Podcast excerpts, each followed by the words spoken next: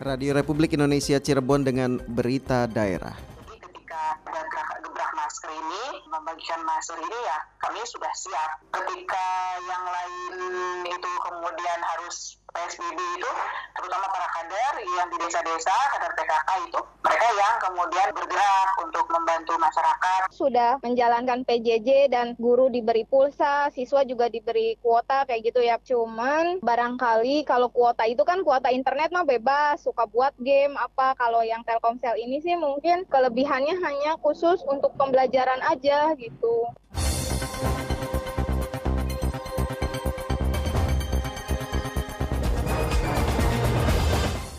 Sari Berita, 1 juta masker terbagikan untuk masyarakat sekabupaten Cirebon. SMAN 1 Ciledug fasilitasi siswanya dengan kuota internet gratis. Bersama saya Nono Kartono, inilah berita daerah selengkapnya.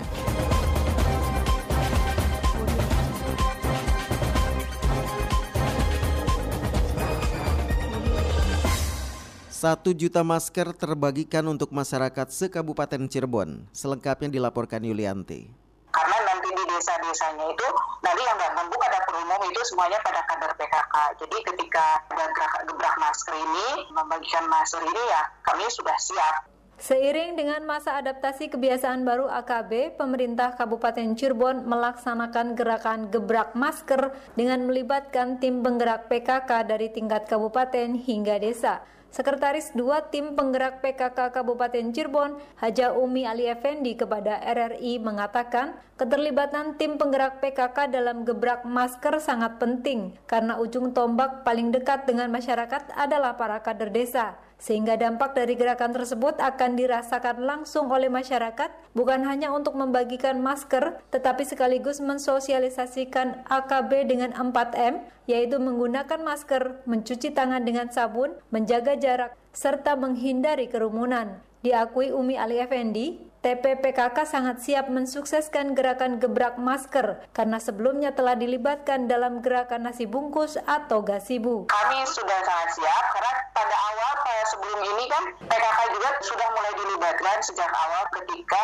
Ibu Atalia meluncurkan gerakan nasi bungkus itu gasibu. Gasibu itu memang leading sektornya adalah Jabar Bergerak, tapi di Jabar Bergerak ini juga bekerja sama dengan PKK karena nanti di desa-desanya itu nanti yang nggak membuka dapur umum itu semuanya pada kader PKK. Jadi ketika ada gebrak masker ini, membagikan masker ini ya kami sudah siap. Ketika yang lain itu kemudian harus PSBB itu terutama para kader yang di desa-desa kader PKK itu mereka yang kemudian bergerak untuk membantu masyarakat apalagi masyarakat yang misalnya mengalami isolasi mandiri misalnya seperti itu nah kami serta membantu lah meringankan membagikan makanan waktu itu waktu itu nah sekarang membagikan masker ditambahkan Umi Ali Effendi tim penggerak PKK Kabupaten Cirebon tidak menargetkan jumlah masker yang dibagikan namun untuk target Pemkap Cirebon sebanyak 2,8 juta masker harus terbagikan kepada masyarakat.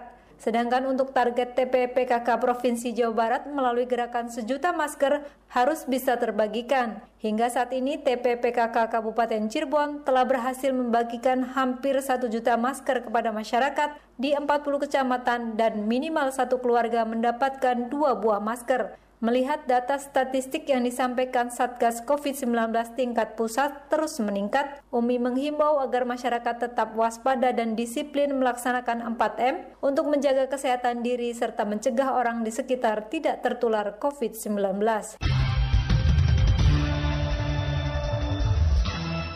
Berikut komentar masyarakat mengenai masih perlukah masker yang berhasil dihimpun RRI. Assalamualaikum, saya Laila. E, menurut saya gebrakan masker itu sangat diperlukan karena masker sendiri itu cara untuk melindungi diri dan untuk melindungi orang lain juga. E, jadi untuk masyarakat ke mana-mana pun harus tetap pakai masker. Tidak hanya melindungi dari virus, tapi kan melindungi dari sinar matahari juga, polusi-polusi udara juga. Ya saling menjaga aja dari kita untuk kita. Saya Abdul Salam Bayaki, saya dari IAIN Nurjati. Uh, kalau menurut pandangan saya soal pemakaian masker untuk saat ini sih masih sangat diperlukan, Mbak. Sebab saat pandemi gini kan banyak virus-virus nggak cuma virus pandemi juga virus lain juga banyak ketika untuk keluar rumah atau ke mana jadi untuk pemakaian masker itu wajib menurut saya masih perlu ya buat saling menjaga kesehatan Nama saya Alvina. Menurut saya, gerakan gebrak masker itu sendiri masih diperlukan karena saat ini kesadaran masyarakat untuk menggunakan masker itu masih kurang. Sedangkan e, angka positif COVID-19 di Indonesia sendiri itu sudah tinggi dan penyebarannya itu sangat cepat terutama lewat udara. Jadi gerakan gebrak masker itu sendiri sepertinya masih sangat diperlukan terutama di tempat-tempat umum yang memang ramai, kemudian mungkin di desa-desa yang kurang sosialisasi mengenai penggunaan masker karena masker itu sendiri sebagai bentuk perlindungan diri gitu dan salah satu cara untuk menekan angka COVID-19. Untuk membahas lebih lanjut mengenai masih perlukah masker, kita ikuti wawancara Aji Satria dengan Kepala Satuan Polisi Pamong Praja Satpol PP Kota Cirebon, Andi Armawan. Pak Andi Armawan masih di Satpol PP sampai saat ya. ini nih Pak. Bagaimana Pak proses kegiatan sosialisasi sampai saat ini untuk masyarakat dalam menggunakan masker karena memang masyarakat dinilai masih rendah kesadarannya Pak. Seperti apa nih Pak? Saya kemarin sudah dilantik dan itu ada waktu persiapan untuk serah terima sampai seminggu, mhm. -huh. tapi saya masih melaksanakan tugas di Satuan Polisi Pamong Praja terkait dengan penggunaan masker sampai dengan hari ini kami dari Satuan Polisi Pamong Praja masih konsen artinya melihat perkembangan walaupun ini di era adaptasi kebiasaan baru bukan malah masyarakat itu taat ataupun disiplin penggunaan masker tapi sudah mulai turun kebiasaan ataupun disiplin untuk penggunaan masker.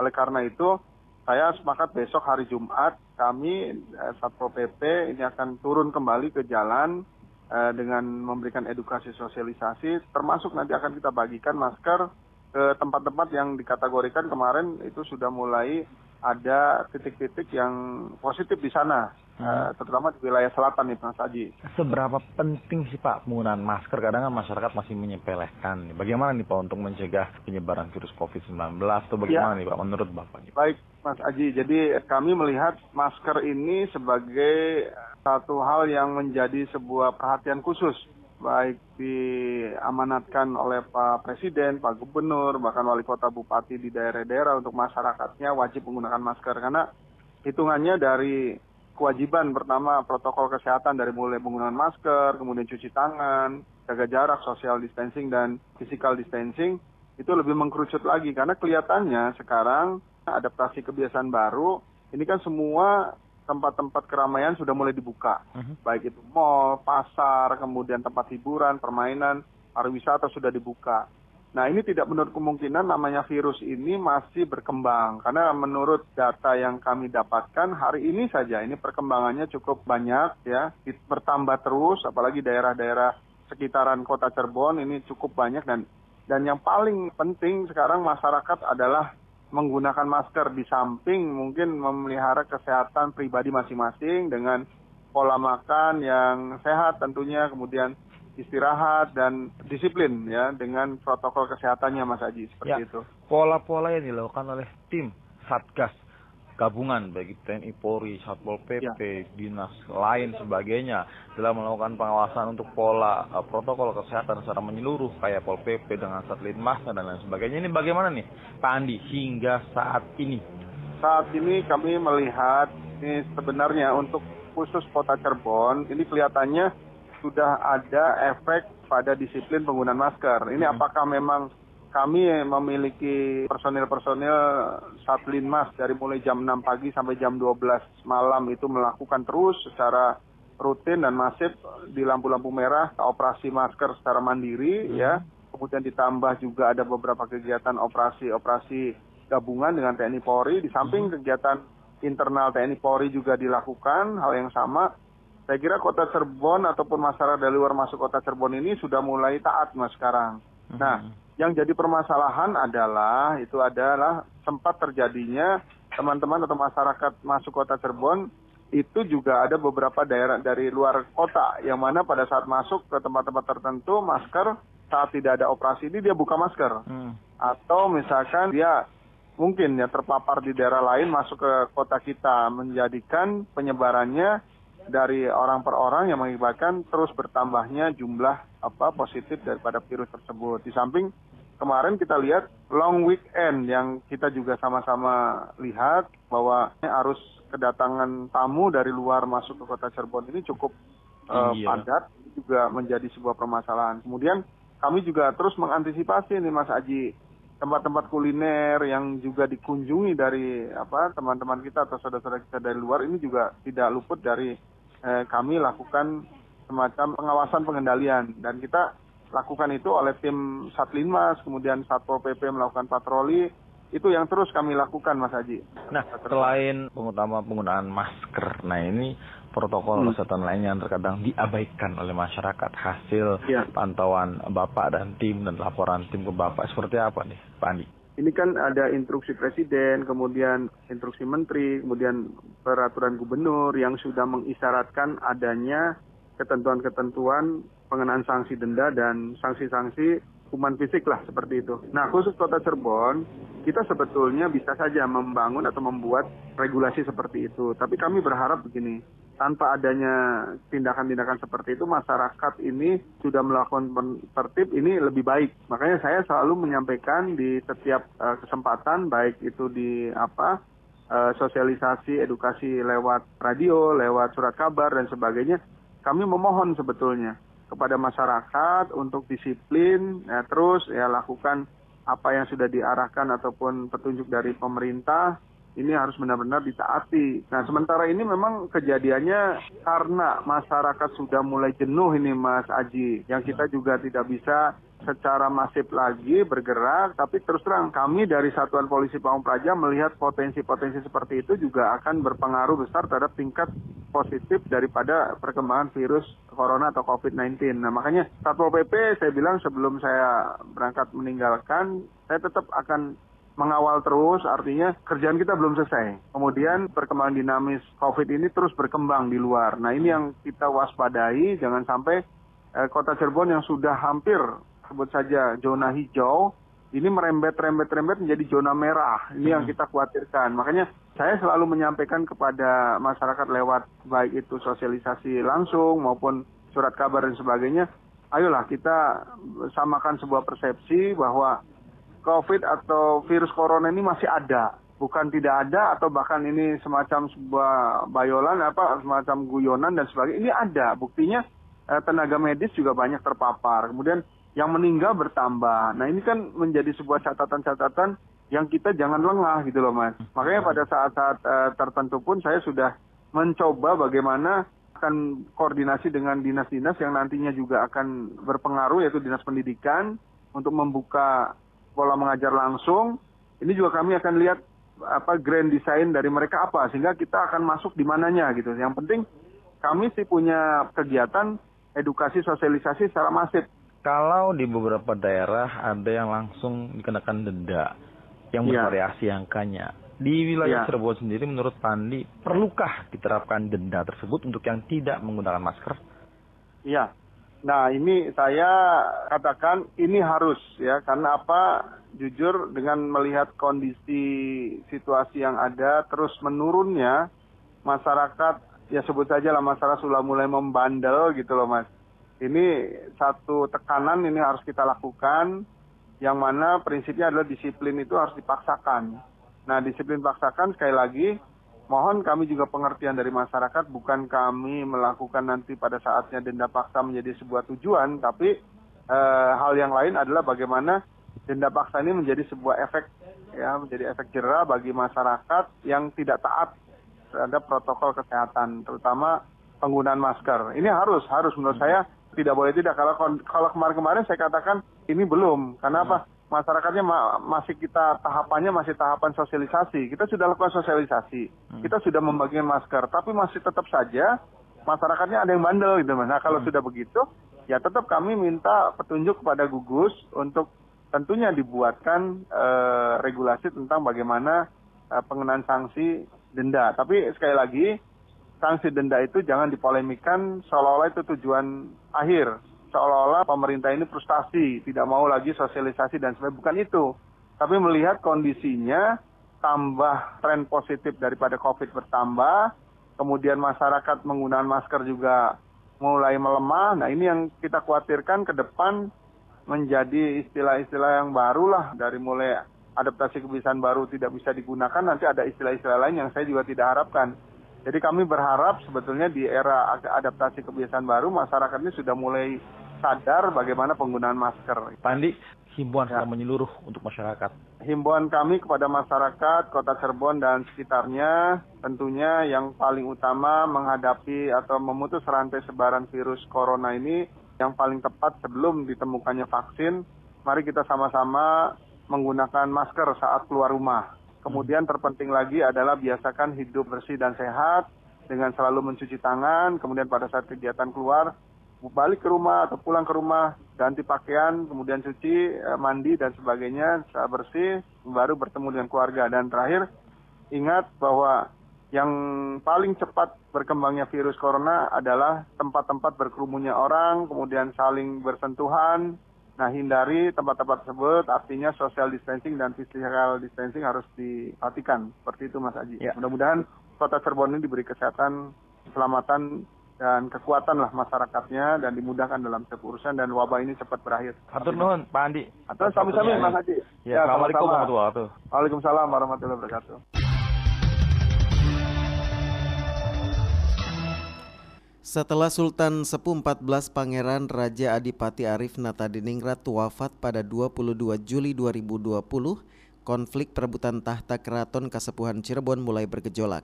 Salah satu keturunan Sultan Sepuh Raharjo Jali mengklaim dialah yang berhak menduduki tahta berikutnya setelah Sultan Sepuh XIV wafat karena putra mahkota Lukman Zulkarnain yang dicalonkan sekaligus akan dinobatkan sebagai penerus Pangeran Raja Adipati Arif Ningrat bukan keturunan langsung dari Syekh Syarif Hidayatullah atau Sunan Gunung Jati.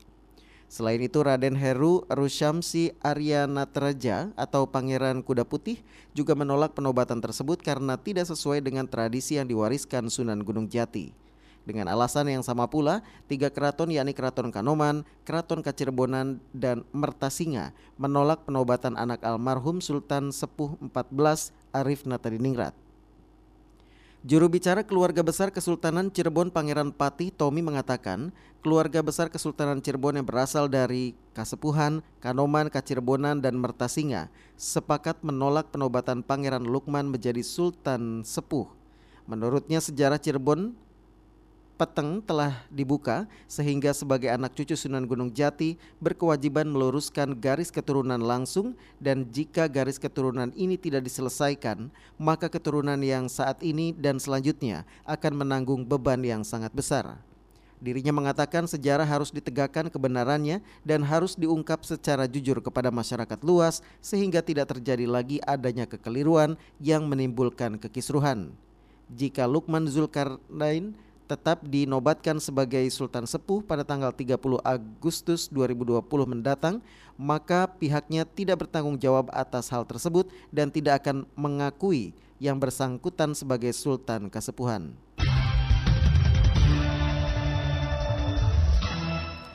Keluarga keturunan Kesultanan Cirebon yakni Keraton Kanoman, Keraton Kacirebonan, dan Mertasinga yang menolak penobatan Lukman Zulkaidin sebagai Sultan Sepuh menemui Wali Kota Cirebon Nasruddin Ajis.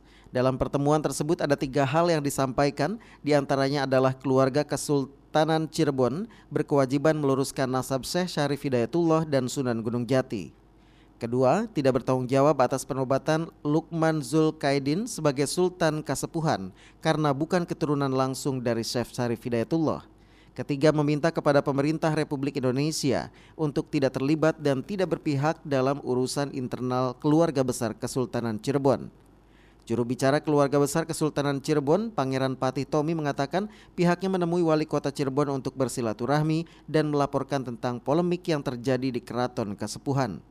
Selain itu juga pihaknya meminta perlindungan hukum terkait konflik perebutan tahta di keraton Kesepuhan. Menurutnya apa yang disampaikan kepada wali kota merupakan hak dasar sebagai masyarakat dan kesepakatan bersama internal keluarga keraton. Sementara itu, Wali Kota Cirebon Nasruddin Ajis mengapresiasi apa yang disampaikan dengan santun dan ada paksaan terkait polemik di Kesultanan Kasepuhan. Ia menegaskan pihaknya hanya dalam posisi menjaga dan memelihara ketertiban dan keamanan di kota Cirebon, khususnya Keraton Kasepuhan yang menjadi salah satu cagar budaya. Ajis juga berharap kepada semua pihak agar tidak melakukan tindakan yang melanggar hukum.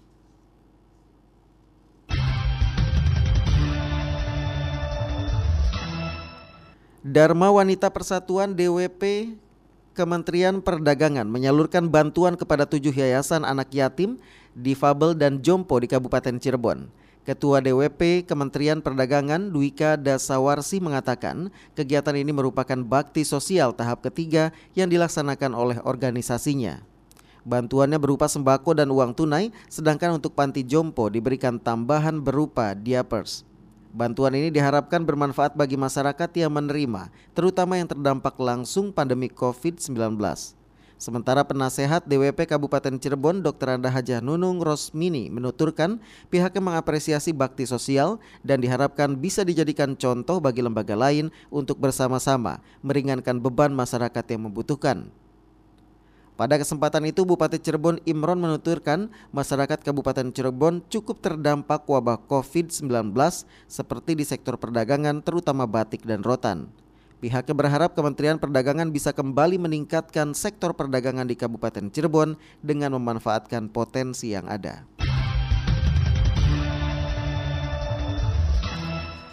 SMAN 1 Ciledug fasilitasi siswanya dengan kuota internet gratis. Informasi selengkapnya disampaikan Alex Sunardi. SMA Negeri 1 Ciledug, Kabupaten Cirebon memberikan fasilitas kuota internet gratis untuk menunjang proses pembelajaran jarak jauh atau PJJ yang masih diberlakukan selama masa pandemi COVID-19. Guru SMA Negeri 1 Ciledug Ayu Restika kepada RRI mengatakan pemberian fasilitas kuota internet gratis bagi siswa maupun guru sudah dilakukan sejak mulai diberlakukannya pembelajaran jarak jauh pada bulan Maret yang lalu, di mana setiap siswa mendapatkan kuota internet sebesar 10 GB setiap bulannya. Dan untuk saat ini, pihak sekolah menjalin kerjasama dengan salah satu provider telekomunikasi di mana kuota internetnya hanya bisa dipergunakan untuk mengakses aplikasi pembelajaran, tidak bisa untuk mengakses yang lain seperti game atau yang lainnya. Memang dari bulan Maret juga awal pandemi kita mah sekolah SMA 1 Ciledug tuh sudah menjalankan PJJ dan guru diberi pulsa, siswa juga diberi kuota kayak gitu ya. Cuman barangkali kalau kuota itu kan kuota internet mah bebas suka buat game apa. Kalau yang Telkomsel ini sih mungkin kelebihannya hanya khusus untuk pembelajaran aja gitu. Pokoknya mau main game atau apa nggak bisa. Ayu Restika menambahkan pemberian fasilitas kuota internet bagi siswa dan guru di SMA Negeri 1 Ciledug. Anggarannya memanfaatkan dana bos yang diperbolehkan untuk pengadaan kuota internet sementara untuk yang saat ini merupakan pemberian dari salah satu provider telekomunikasi. Pembelajaran jarak jauh yang dilaksanakan di SMA Negeri 1 Ciledug sejauh ini tidak menemui kendala berarti dan pembelajaran tetap berlangsung lancar. Alex Sunardi melaporkan.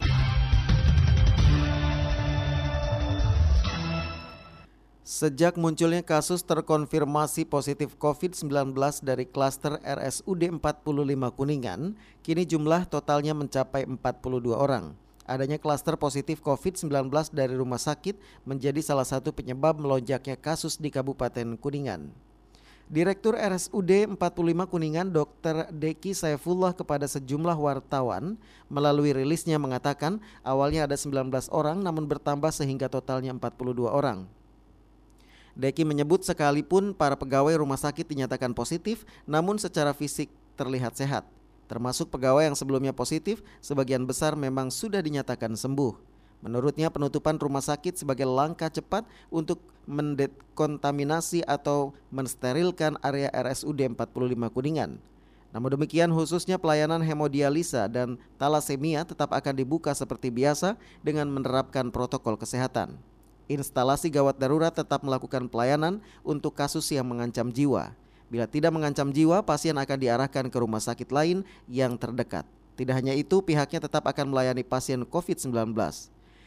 Selama RSUD 45 Kuningan ditutup akan dilakukan dekontaminasi di, sejum, di seluruh area RSUD 45 Kuningan. Pihaknya juga tetap melakukan pemeriksaan swab COVID-19 ulang terhadap tenaga kesehatan yang positif dan pada tenaga kesehatan yang kontak erat dengan tenaga kesehatan yang terkonfirmasi positif. Yang tidak berhubungan langsung dengan pelayanan kepada pasien diberlakukan sistem WFH. Dinas Kesehatan Kabupaten Majalengka, Jawa Barat menyayangkan pembukaan kembali sekolah di tengah meningkatnya kasus COVID-19. Dikhawatirkan pembukaan kembali sekolah bisa memicu penyebaran kasus lebih banyak lagi. Diberitakan sebelumnya pemerintah Kabupaten Majalengka membuka kembali sekolah untuk tingkat sekolah dasar dan menengah pertama melaksanakan kegiatan belajar mengajar KBM. Ketentuan ini juga berlaku di desa dan kecamatan yang masuk zona hijau. Kepala Dinkes Kabupaten Majalengka Ali Mudin mengatakan keadaan saat ini masih belum stabil mengingat adanya lonjakan kasus terkonfirmasi positif akibat transmisi lokal. Bahkan pihaknya mengaku baru mengetahui tentang pembukaan sekolah di sejumlah kecamatan dan saat ini ada salah satu anak usia 10 tahun yang dinyatakan terkonfirmasi positif di Kecamatan Lewi Munding.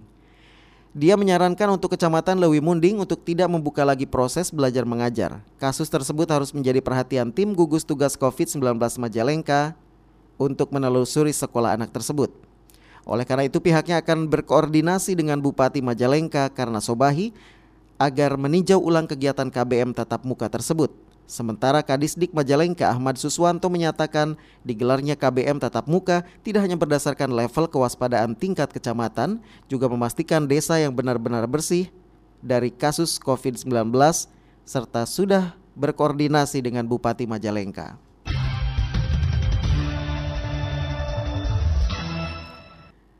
Kita beralih ke berita olahraga.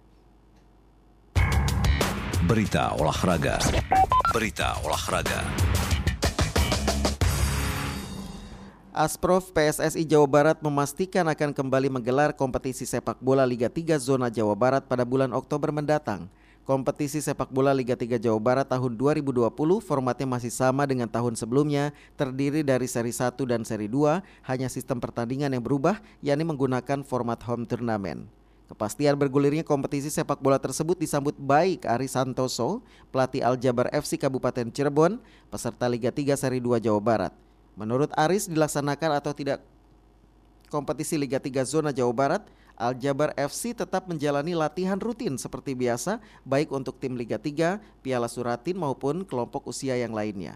Adanya kepastian dari Asprof PSSI Jawa Barat, porsi latihan akan ditambah apalagi Aljabar memiliki target promosi ke Liga 3 Jawa Barat seri 1. Ia menambahkan peluang untuk promosi ke Liga 3 seri 1 zona Jawa Barat cukup terbuka apalagi di masa pandemi COVID-19 tidak akan ada hukuman bagi klub yang absen di Liga 3 musim ini sehingga kemungkinan akan banyak klub yang tidak mengikuti karena permasalahan finansial. Dengan demikian persaingan tidak akan seberat tahun-tahun sebelumnya.